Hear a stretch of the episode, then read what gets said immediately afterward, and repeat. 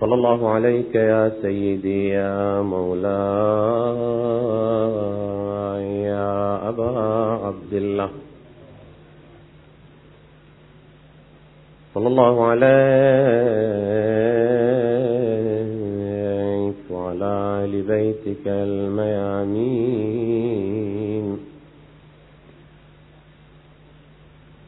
ما ضل من تمسك بكم وأمن من لجأ إليكم. يا ليتنا كنا معكم سادتي. فنفوز فوزا عظيما.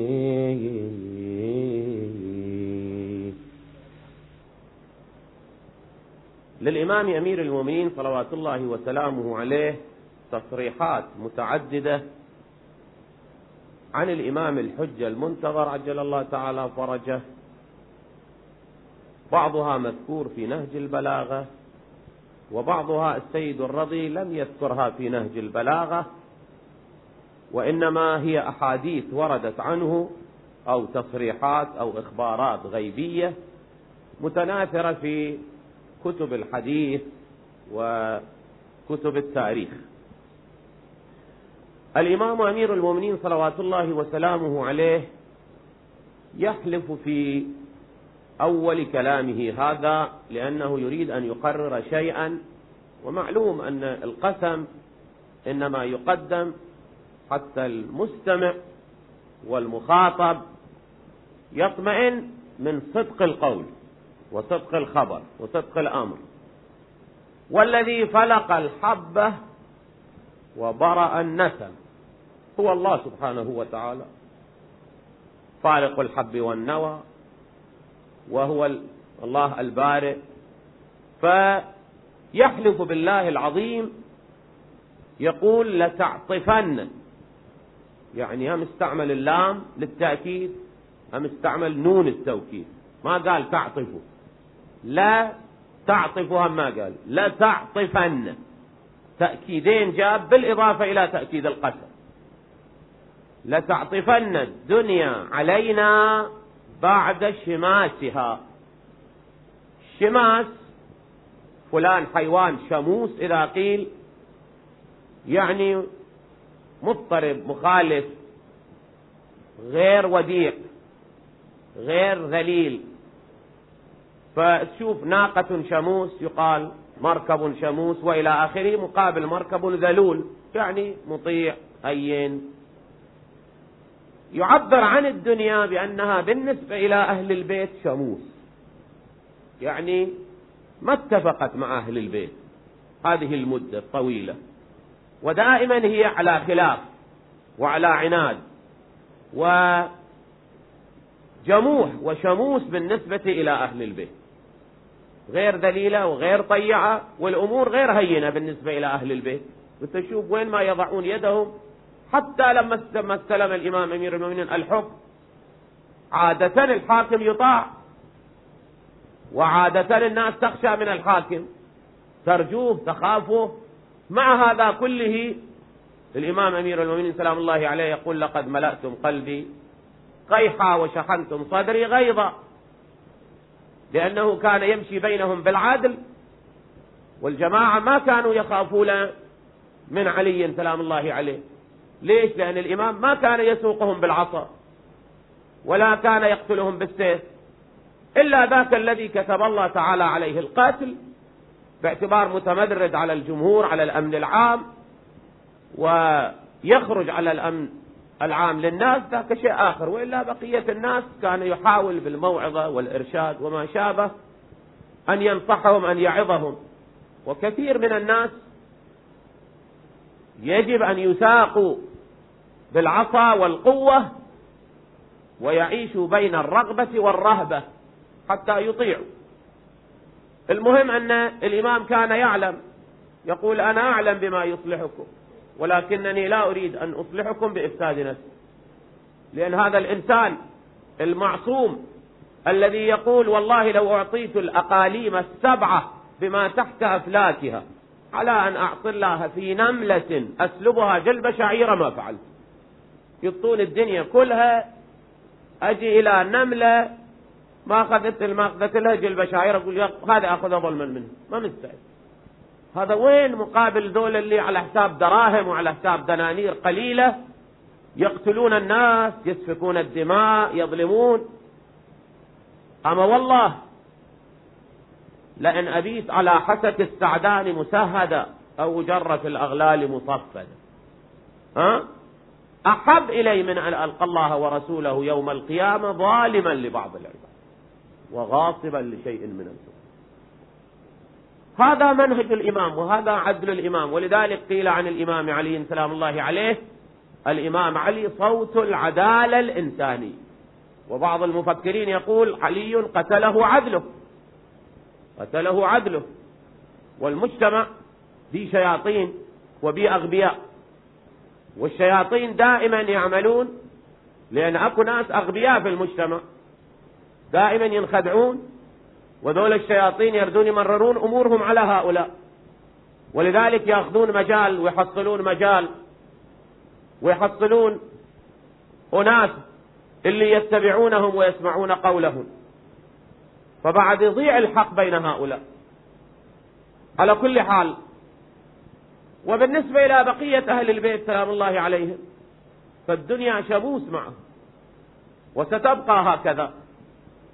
فالإمام سلام الله عليه يقول وهو يعد بعد هالكم كم قسم اللي أقسم صلوات الله وسلامه عليه لتعطفن الدنيا علينا بعد شماسها. بعد شماسها. عطف الضروس على ولدها الضروس. يعني الناقة أو الدابة اللي عادة إذا أراد أن يحلبها الحالب تنطحه أو ترفسه أو تؤذيه على كل حال.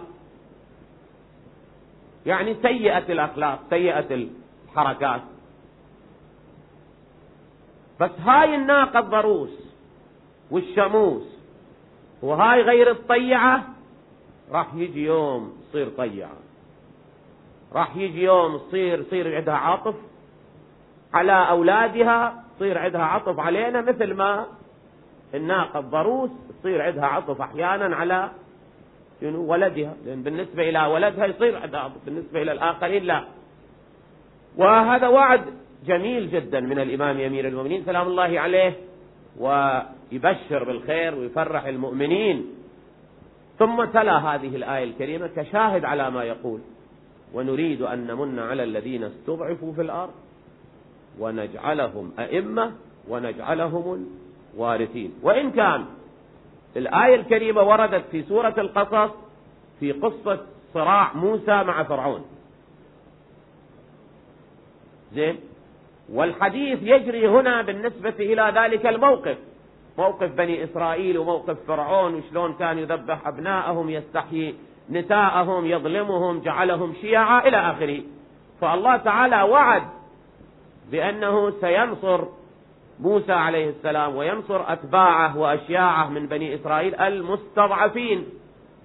ونمكن لهم في الأرض ونري فرعون وهامان وجنودهما منهم ما كانوا يحذرون آية اللي وراها. لكن في كثير من الروايات الآية يعتبروها غير منحصرة بأولئك وإنما تنطبق في كل عصر تنطبق في كل زمان.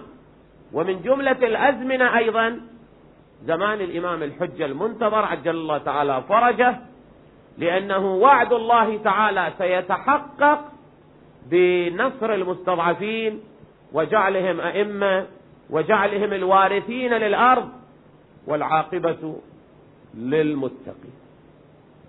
هل معنى هذا يتكرر في أحاديث وفي آيات متعددة؟ وهنا الإمام صلوات الله وسلامه عليه يؤكد هذا المعنى. في ثنايا نهج البلاغة. أكو أماكن أخرى كلمات أكو للإمام سلام الله عليه وإن كان السيد الرضي أعلى الله مقامه عادة يقتطف وينتقي من كلمات وحكم وخطب الإمام. يعني أحيانا الرسالة أو الخطبة ما يجيبها كاملة وإنما مقتطفات يأخذ منها. ولذلك قد تشوف الأول مقطوع أو في الوسط قطع أكو أو ما شابه ذلك. إلا لازم الإنسان يراجع مصادر نهج البلاغة يو يحصل يوم يحصل. القطع الأخرى اللي كانت في زمان السيد الرضي أعلى الله مقامه واختار منها. قسما من المصادر ما موجودة الآن. قسم موجودة لكن قسم ما موجودة. على كل حال يتحدث الإمام أمير المؤمنين عن بعض مواصفات الإمام الحجة سلام الله عليه وبعض أعماله في ثنايا نهج البلاغة. فيقول يعطف الهوى على الهدى. إذا عطفوا الهدى على الهوى. ويعطف الرأي على القرآن. إذا عطفوا القرآن على الرأي. شنو معنى كلام الإمام؟ يقول الناس أو بعض الناس بدال ما ياخذون بالهدى أخذوا بالهوى.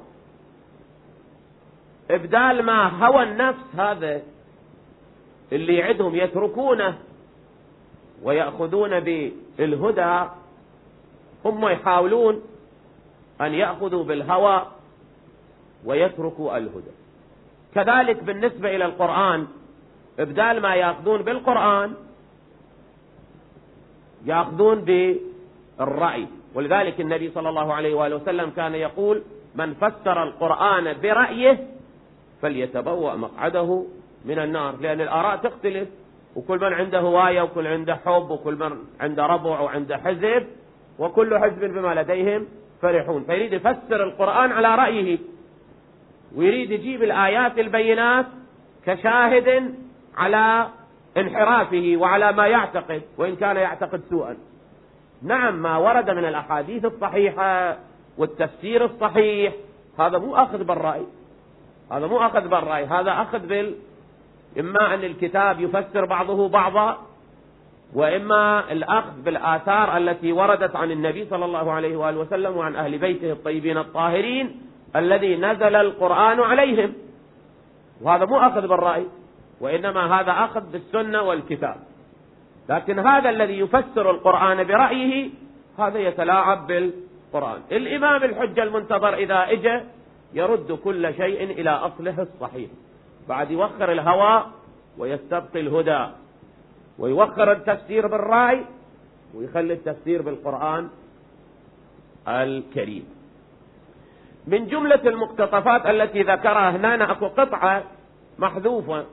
وما وجدناها. على كل حال يتحدث الإمام أمير المؤمنين سلام الله عليه عن الإمام الحجة في زمانه ماذا يجري. بعض الحوادث التي تجري في زمانه. فيقول شوف شنو من قضايا. ما أدري تنتظرنا تستقبلنا تستقبل البشرية.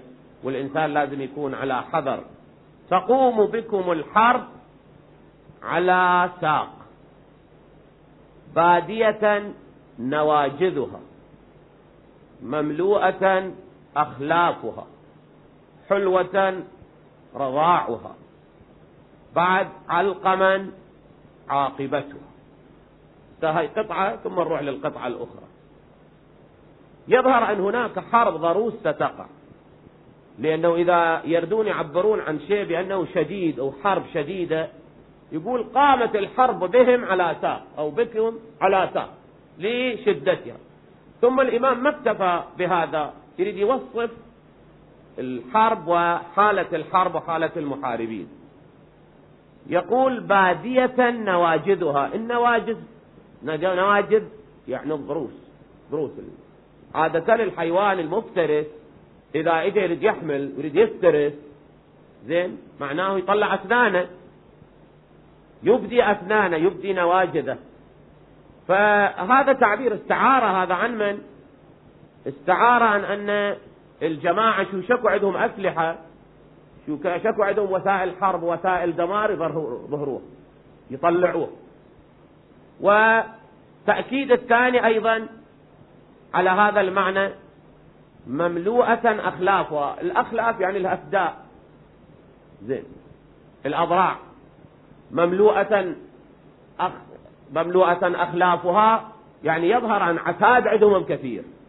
عتاد عسكري كثير عندهم ويعتمدون على هذا العتاد العسكري بالإضافة إلى ما يستعملونه في الحرب.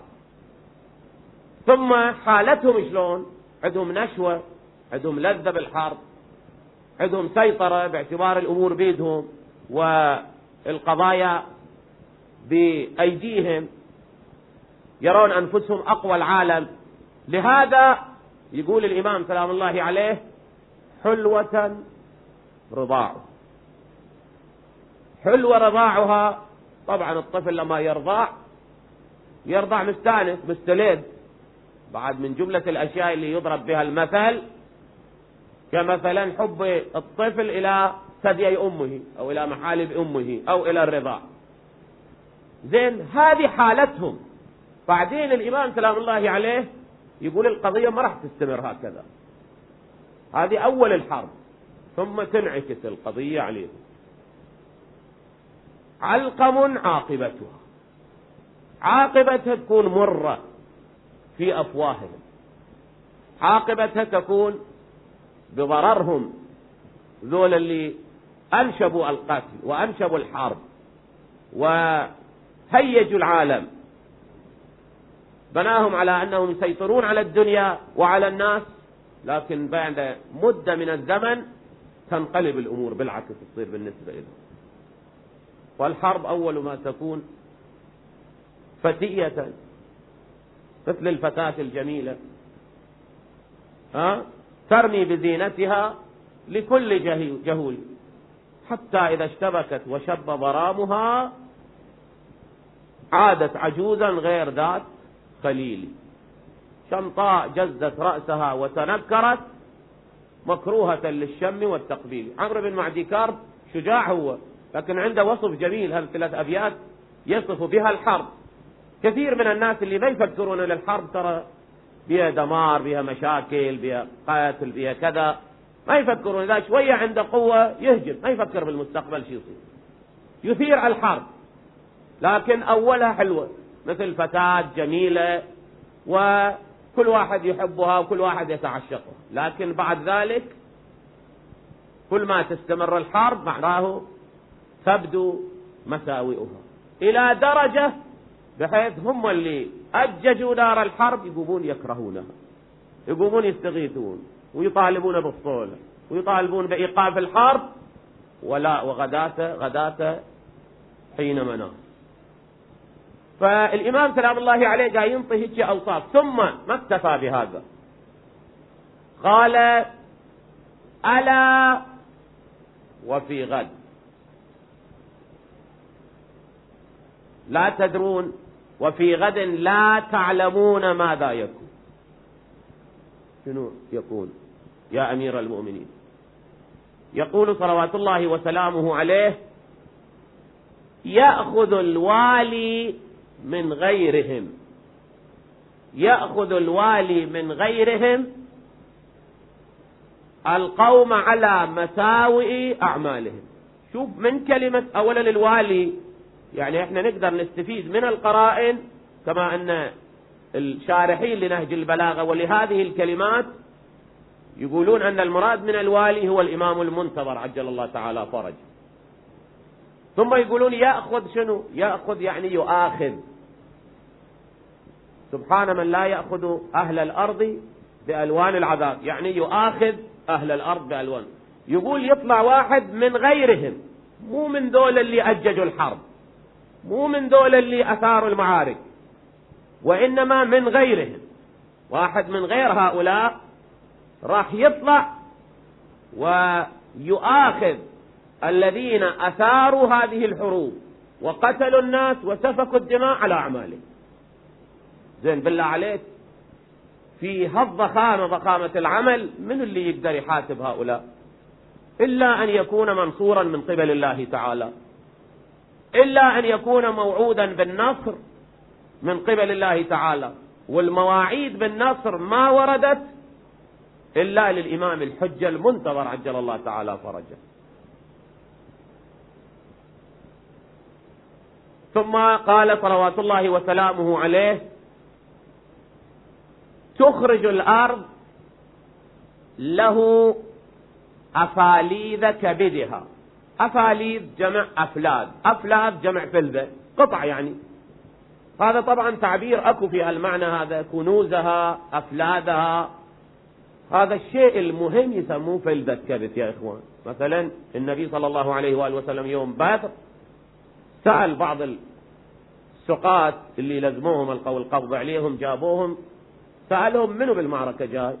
قالوا فلان وفلان وفلان. فالتفت النبي إلى أصحابه.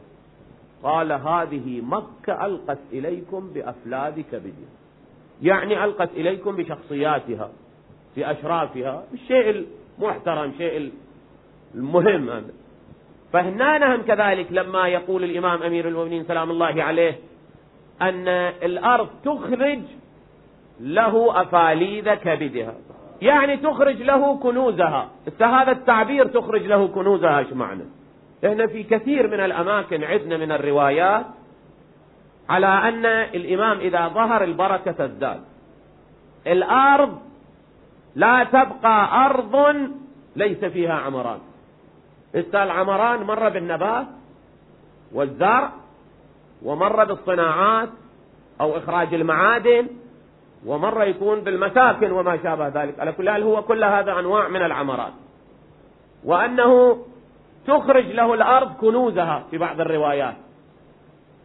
كل هذا دليل على أن هذه النعم التي أودعها الله تعالى في هذه الأرض عليها وداخلها الإمام الحجة المنتظر سينتفع منها. والمؤمنون سينتفعون من هذه النعم التي ادخرها الله سبحانه وتعالى للمؤمنين. وإلا شنو فائدتها؟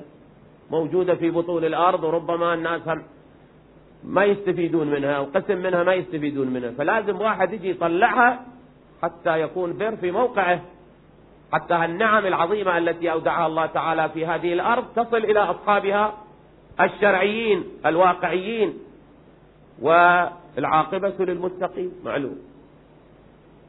والأرض يرثها عبادي الصالحون. ذولا ورثة الأرض وورثت كنوز الأرض. ثم قال الإمام سلام الله عليه وتلقي يعني الأرض. إليه مقاليدها سلما. تلقي إليه مقاليدها سلما. ممكن شرحها أو ممكن توجيهها بأنه مقاليد الأمور السايو بحذف المضاف أهل الأرض. يعني دول اللي بيدهم الحكم دول اللي بيدهم الأمر والنهي راح يتنازلون ويسلمون الأمور بيد الإمام الحجة المنتظر. هذا قسم. يولا إذا ما كان طوعا فكرها والأمور تجري على شكل الذي بحيث الإمام يسيطر على الأمور لأنه في كثير من الروايات التعبير عن الإمام وعن أيامه بأنه منصور بالرعب. منصور بالرعب موعود بالنصر موعود بالظفر. لا تقف أمامه راية إلا نكسها لا.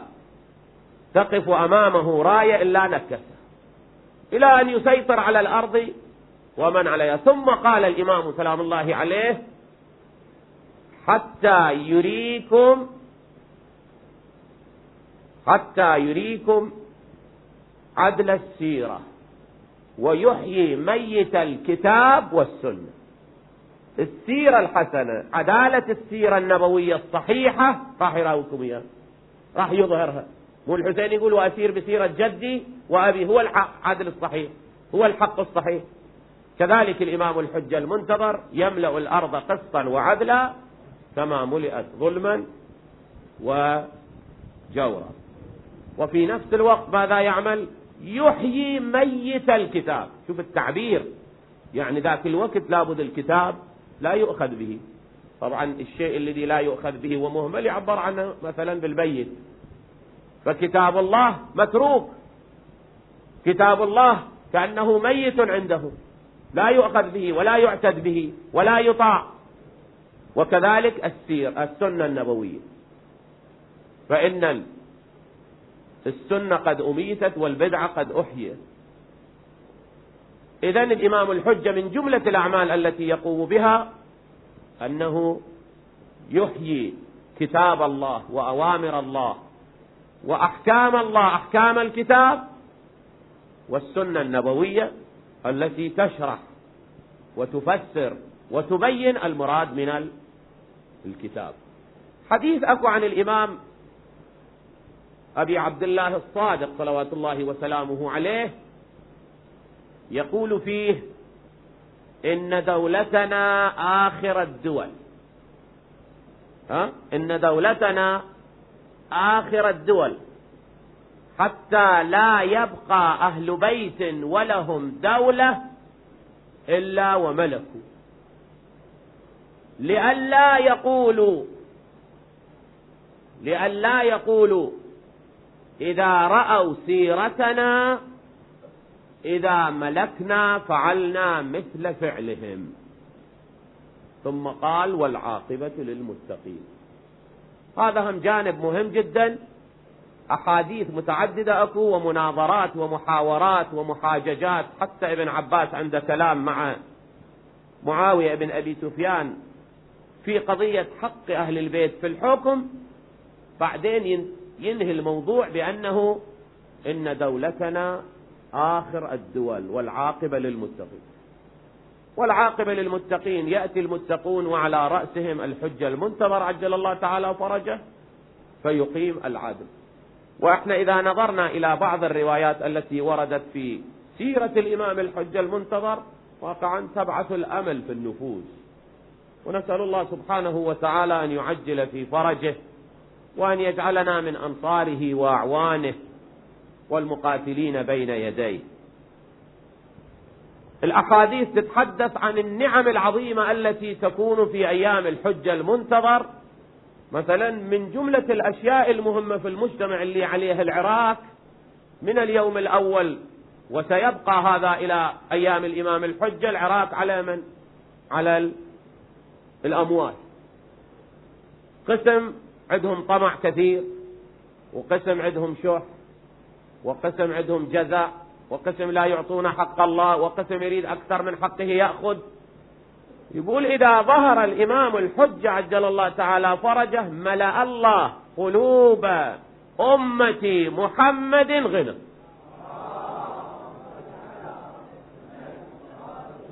وهذه مهمة جدا يا إخوان لأن هاي من أكبر النعم. أصلا هالحرص كله عليهم قد يكون واحد عنده أموال تكفيه 300 سنة. هو يلا يقدر يعيش لكم سنة ويروح. لكنه هل امتلأتي وتقول هل من من؟ لا يعطي حق الله. ليش؟ لأن جزع جشع عنده طمع عنده بخل عنده شح عنده. ما يكتفي ما يشبع ما يشبع أبدا. زين؟ لا يعطي حق الله لا يعطي حق الفقراء.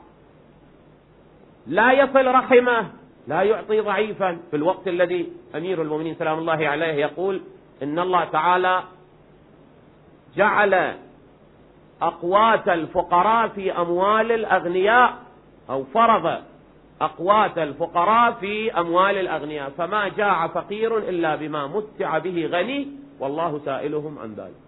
عدم التوازن اللي موجود في المجتمع مثل بعض الأراضي. إذا شفت لك في الجبل عالي جدا الصف لازم أكو وادي منخفض. يعني إذا شفت لك واحد مملوء البطن لابد بصفه أكو واحد جائع. ما رأيت نعمة موفورة إلا وإلى جانبها حق مضيع أو مضيع. وهذا بعد عدم التوازن وعدم العدالة اللي موجودة في المجتمع. إذا الناس صاروا أغنياء في قلوبهم. غنى النفس غنى النفس. وصارت عندهم قناعة ذاك الوقت موقفهم يختلف. ولذلك يقول الإمام فيكون المال كدوسا. حتى أن الرجل لا يرى أحدا يعطيه صدقته يعني زكاته ضريبة مالته خموس زكاة شو شنو اللي يكون ينطيه؟ ما يرى أحد لأن يعني ما يرى فقير. زين؟ فينادي المنادي هل من طالب مال؟ الناس غنى النفس من جانب عندهم عدالة أكو عندهم رضا النفس عندهم تنتهي القضية. ماكو واحد يحكي نفر واحد يقول. يقول يقول أنا أريد. يقول التفت للإمام الحجة المنتظر يقول اذهب إلى الخازن وقل له يقول لك الإمام المهدي اعطني. بعد ما يقول له إيش وهم يجي إلى الإمام إلى خازن الأموال. يقول له أنا رسالة شفهية يوصلها إليه. ذاك هم ما يقول له عد أنت ولا تقول له قل له كم إيش قد تريد؟ يقول له احسب هسه شنو عده؟ اللي وياه فيقوم يشيل يفرش زين هناك يمشي شوية. قد مرة يفكر. يقول هاي الناس كلها شبعانة بس أنا جايع يا بي. هاي الناس كلها مستغنية بس أنا الجايع بالأمة هذه كلها. فيرجع مرة ثانية. قد مثل أجيب شوية تقريبي. شايفين أحيانا بعض الأطفال هنا أطفالكم متعلمين على البحار وشي. لكن بعض أطفال اللي ما متعلمين على بعض الأشياء خصوص البحار إذا يشوفون محار وأمثال ذلك هذا شاف له واحدة شالت الثانية الثالثة الرابعة كذا كذا هناك يجي يشوفهم البحر كثير شب ذبهن كلهن. ذبهن كلهن ما شال منهم. شيء طبيعي. فيرجع إلى الخازن يقول له ما أريد. يقول له هذا أعطيناك إياه بعد تعرف تكليف هالنعمة العظيمة ثم أحاديث أكو على أن الذئب والشاة يعيشان معا. أستاذ الذئب والشاة صدق الذئب والشاة الحقيقيين؟ يو أنه الذئب والشاة البشر. يعني أكو بشر ذئاب وأكو بشر شياه زين؟ دولاك دائما يفترسوهم ودائما يأكلوهم ودائما يأخذون حقوقهم. ما أدري هذا وذاك على كل حال ليس على الله بعزيز وهي قضايا فوق العادة تصير بس أكو قضايا مركزة يكون يلتفت إلها.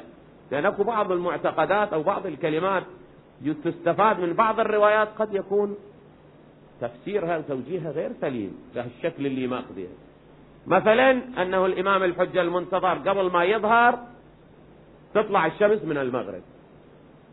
ما إلى ربط أستاذ الموضوع هذا. إنه تطلع إذا طلعت الشمس من المشرق يعني شنو صاحب الزمان؟ ميت لا. شنو أثرها هذا أن تطلع الشمس من المغرب؟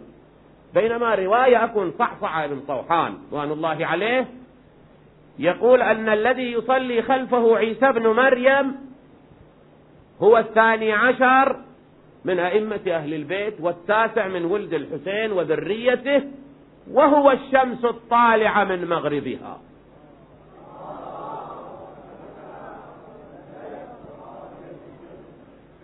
هذه تعبيرات لأنه يعبر عن الإمام الحجة بالشمس وطبعا غيبته غروب يعني. يعني في المغيب. مو معنى هذا أنه إذا غابت الشمس يعني ماتت بعد هاي هي انعدمت. يوم الثاني تطلع. فالمغيب أو الغروب فالتعبير ثاني عن من؟ عن الغيبة. هو الإمام غايب الغيبة الكبرى وبعدين يظهر صلوات الله وسلامه عليه. يا هلالا غائبا عن كل عين وضياه ساطع في الخافقين. فهو الشمس الطالعة. نسأل الله سبحانه وتعالى أن يرينا طلعته الرشيدة وغرته الحميدة. وأن ينور الله سبحانه وتعالى الأرض وما عليها بنوره. لأنه جون إلى هذه الآية وأشرقت الأرض بنور ربها. وطبعا أهل البيت صلوات الله وسلامه عليهم هم النور نور الله جل جلاله. هم التين والزيتون والشفع والوتر. هذا واحد. وبعدين العادل نور الله والكتاب نور الله وسنة النبي نور الله. كل هذه أنوار الله سبحانه وتعالى. الخير كله الحق نور الله. والله نور السماوات والأرض. فإذا تجلت هذه الأنوار في الكون أشرقت الأرض بنور ربها. في دعاء الندبة واقعا أكو كلمات متعددة اكو قضايا متعددة الإنسان يفكر فيها في أثناء الدعاء مو بس الجانب الحزن والألم لأن النذبة هي هذه يعني واحد يندج يستغيث مع التألم مع الحزن. واحد من يقرأ هذا الدعاء كأنه فاقد له عزيز وقاعد يدور عليه. وصدق هو أعز من كل عزيز هو. بالنسبة لقلوب المؤمنين والمحبين هو أعز من كل عزيز. لكن أكو معاني عظيمة جدا اللي تبين فيها أعمال الإمام وماذا يفعله الإمام إذا ظهر صلوات الله وسلامه عليه. الذي وارد في دعاء الندبة أين المعاد لقطع دابر الظلماء؟ أين معز الأولياء ومذل الأعداء؟ أين الطالب بذحول الأنبياء وأولاد الأنبياء؟ أين الطالب بدم القتيل بكربلاء؟ سيدي يا أبا صالح.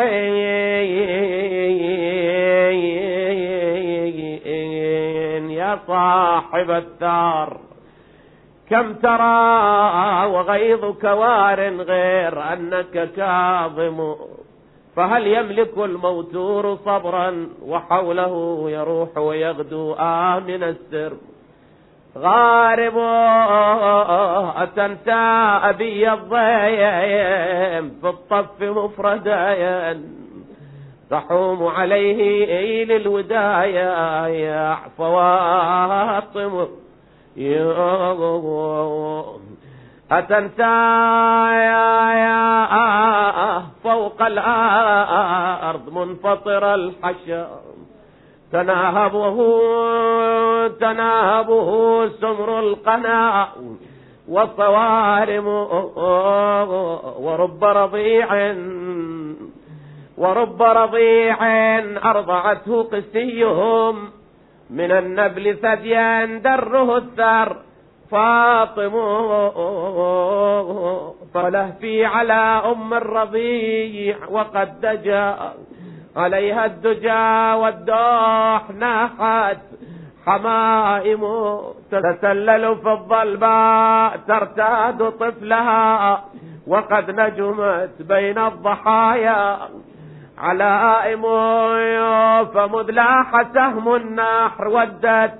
لو أنها تشاطره سهم الردى وتساهم ماذا فعلت؟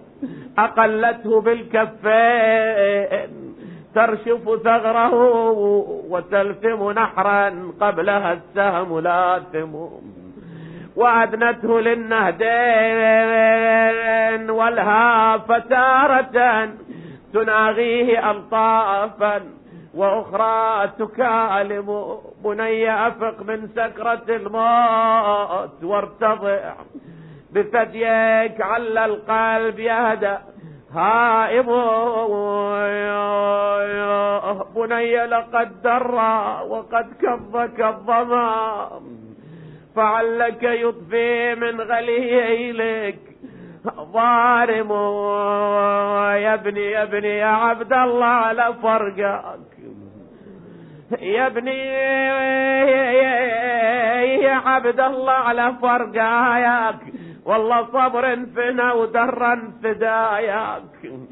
يا ديان يا ديان قل الحرملة وياك إيه للماي حين اشبحها يا يا يا يا عينا يا يا يا كش سوى قدر قدر بسهم عليك ورماك إيه واقطع رجايل شايا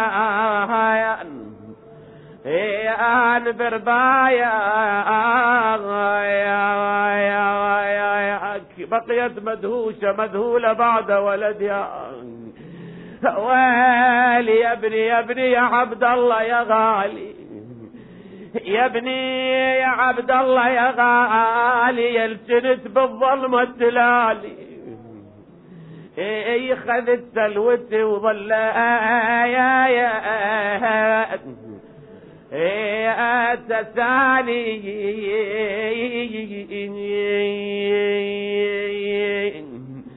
أدورا أدورا على يميني والشمالي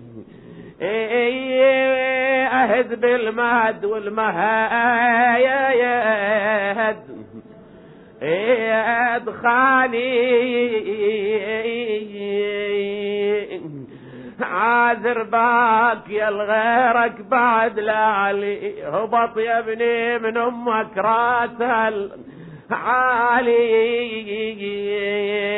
صدري فرغ منك والمهد خالي